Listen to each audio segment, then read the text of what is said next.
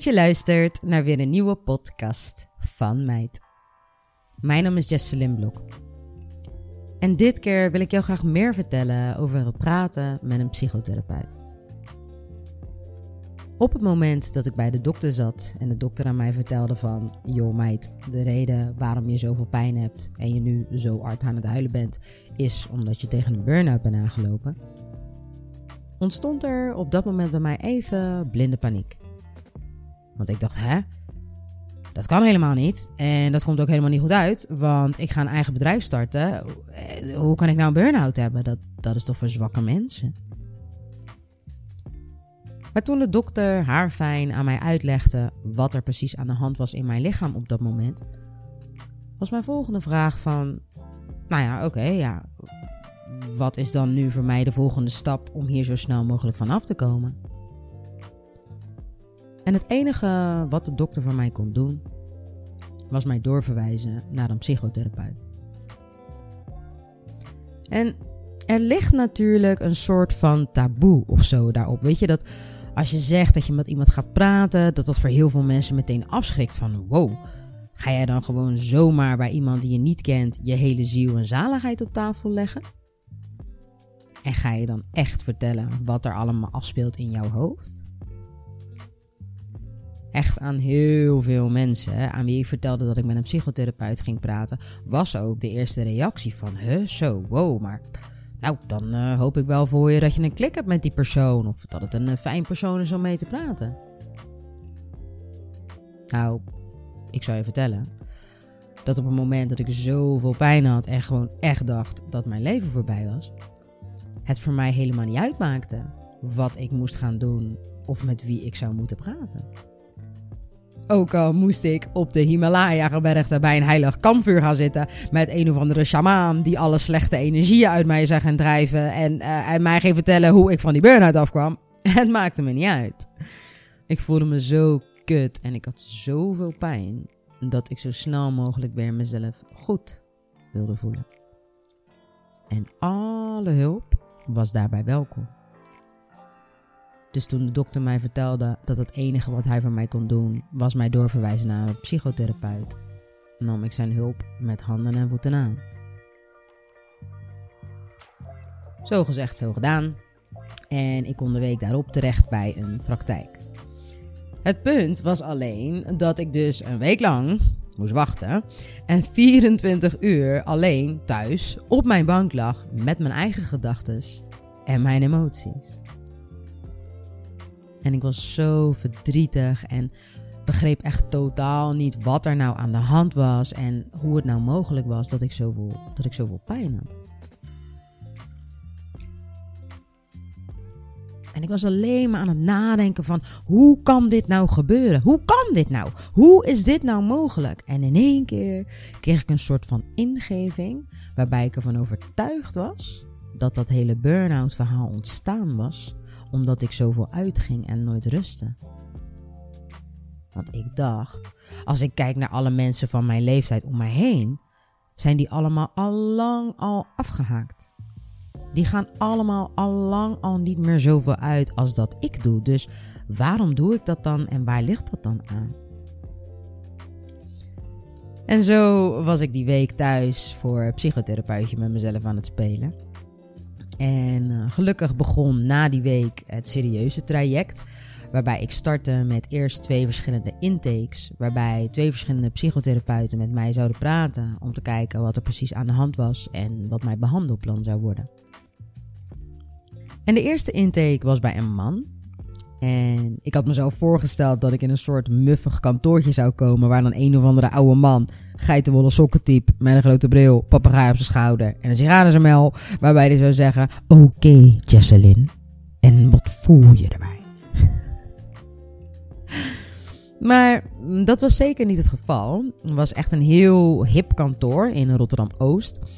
En de man in kwestie, de psychotherapeut, was een jonge man. En hij luisterde heel aandachtig naar mijn verhaal. Want ik kwam binnen en ik begon direct keihard te huilen en heel wild te vertellen wat ik allemaal voelde en waaraan ik, waaraan ik dacht dat het allemaal lag. En ik zei ook tegen die psychotherapeut van, dus van ja, maar ik ga altijd alleen maar uit. En heel mijn leven draait alleen maar om feesten en geld. En het is allemaal uitgaan en uitgaan. En ik snap niet waarom ik dat dan doe. En misschien is er wel iets gebeurd in mijn verleden, in mijn jeugd, waarom ik mezelf altijd aan het verstoppen ben achter dat uitgaan.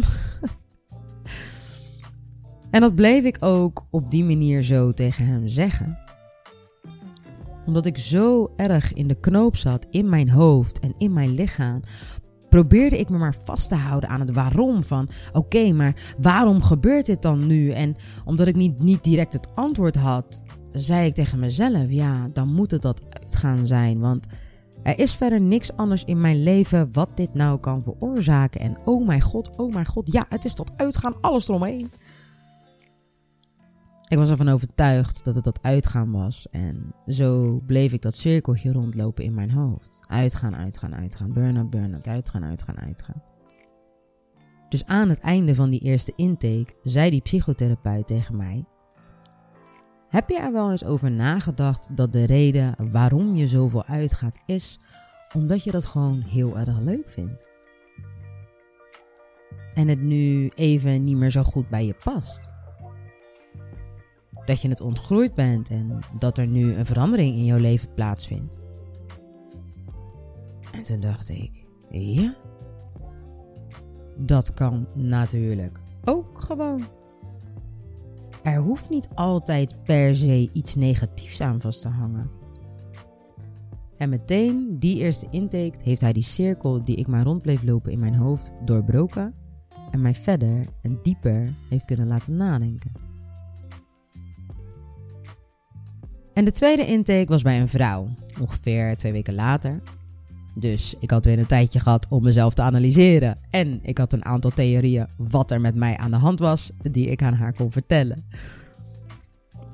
En na die intake hadden we besloten dat ik het traject met haar zou voortzetten. Ik kreeg toen een plan met daarin behandelpunten waar we aan zouden gaan werken samen tijdens de sessie. En de behandelpunten die ze voor mij had opgegeven waren één. Je legt de lat veel te hoog voor jezelf. En op het moment dat je die lat hebt aangetikt, duw je hem steeds een stukje verder. Dus loop je in principe altijd op je tenen.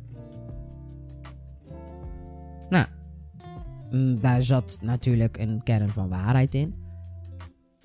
Maar als tweede zei ze: Jij weet geen grenzen te stellen. En toen dacht ik: Geen grenzen stellen? Geen grenzen stellen? Weet je wel wie de fuck ik ben? Ik weet donders goed welke grenzen ik moet stellen. Ik stel de hele tijd alleen maar grenzen.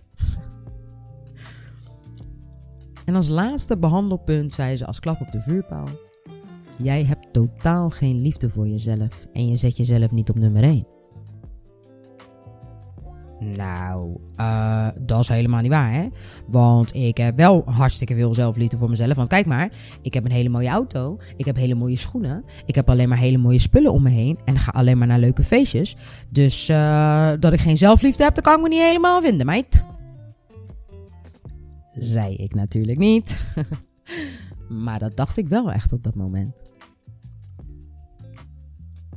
Alleen nadat ik die behandelpunten had gekregen, ging ik daar weer op mijn bank thuis verder over nadenken. En langzamerhand kwamen er steeds meer situaties uit mijn leven naar boven, waarbij ik uiteindelijk aan mezelf moest toegeven dat ik inderdaad de lat veel en veel te hoog legde.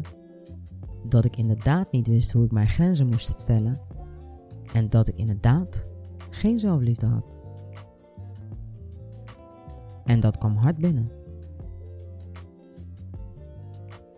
Ik was altijd zo gebrand op het idee dat ik een bosslady ben met een succesvolle carrière en dat ik altijd overal aanwezig moest zijn en er op een bepaalde manier uit moest zien.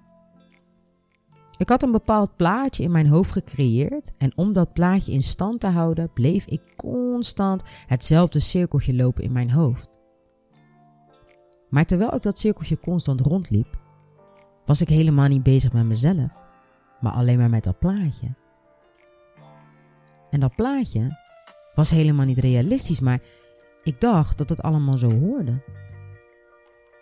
Maar mezelf accepteren en waarderen voor de vrouw die ik ben? Man. Grenzen? Ik zei gewoon altijd tegen mezelf: oh joh, je moet niet zo moeilijk doen. Je moet niet zo zeuren, je moet gewoon gaan.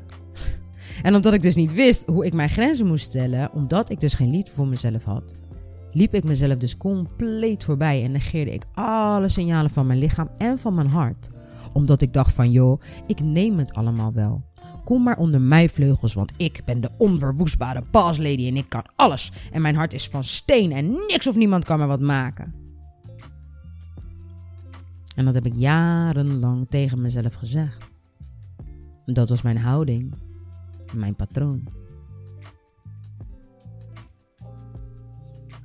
De psychotherapeut heeft mij op een aantal punten weten te wijzen en op een bepaalde manier het ook aan mij kunnen uitleggen, waardoor ik dat ook daadwerkelijk inzag.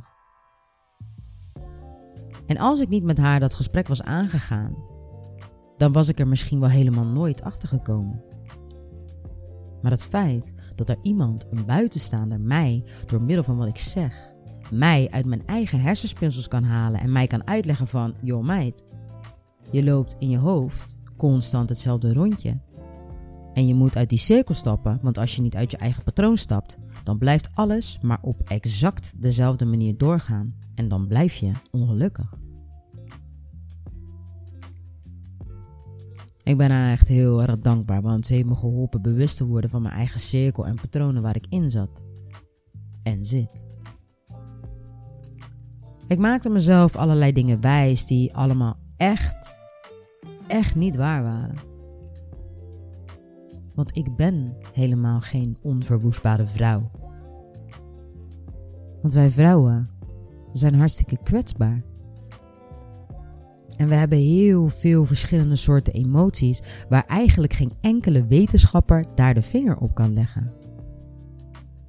Ze weten het niet. We weten het fucking zelf niet eens. We voelen zoveel aan en we zijn empathisch zo sterk. We weten veel, we voelen veel en we hebben veel meer kracht dan dat we zelf denken. We zijn allemaal powervrouwen. En soms is het nodig dat er iemand is die dat tegen je zegt. Die aan je uitlegt van het hoeft allemaal niet zo hard. Je kan rustig doen. Je hoeft niet aan allerlei eisen te voldoen die maatschappelijk verantwoord zijn. Je hoeft niet op alle sociale gelegenheden aanwezig te zijn. Jij bent verantwoordelijk voor je eigen 24 uur en jij mag zelf bepalen hoe je daarmee omgaat. Het is hartstikke tof als je jezelf kwetsbaar opstelt en bij jezelf aan de bel trekt van oké luister. We voelen ons echt niet oké en we moeten nu echt hulp gaan zoeken. Want ik blijf me maar kut voelen. Ik blijf maar huilen als ik alleen ben. Ik blijf mijn leven maar in een bepaalde richting duwen waarbij ik eigenlijk helemaal totaal niet gelukkig ben.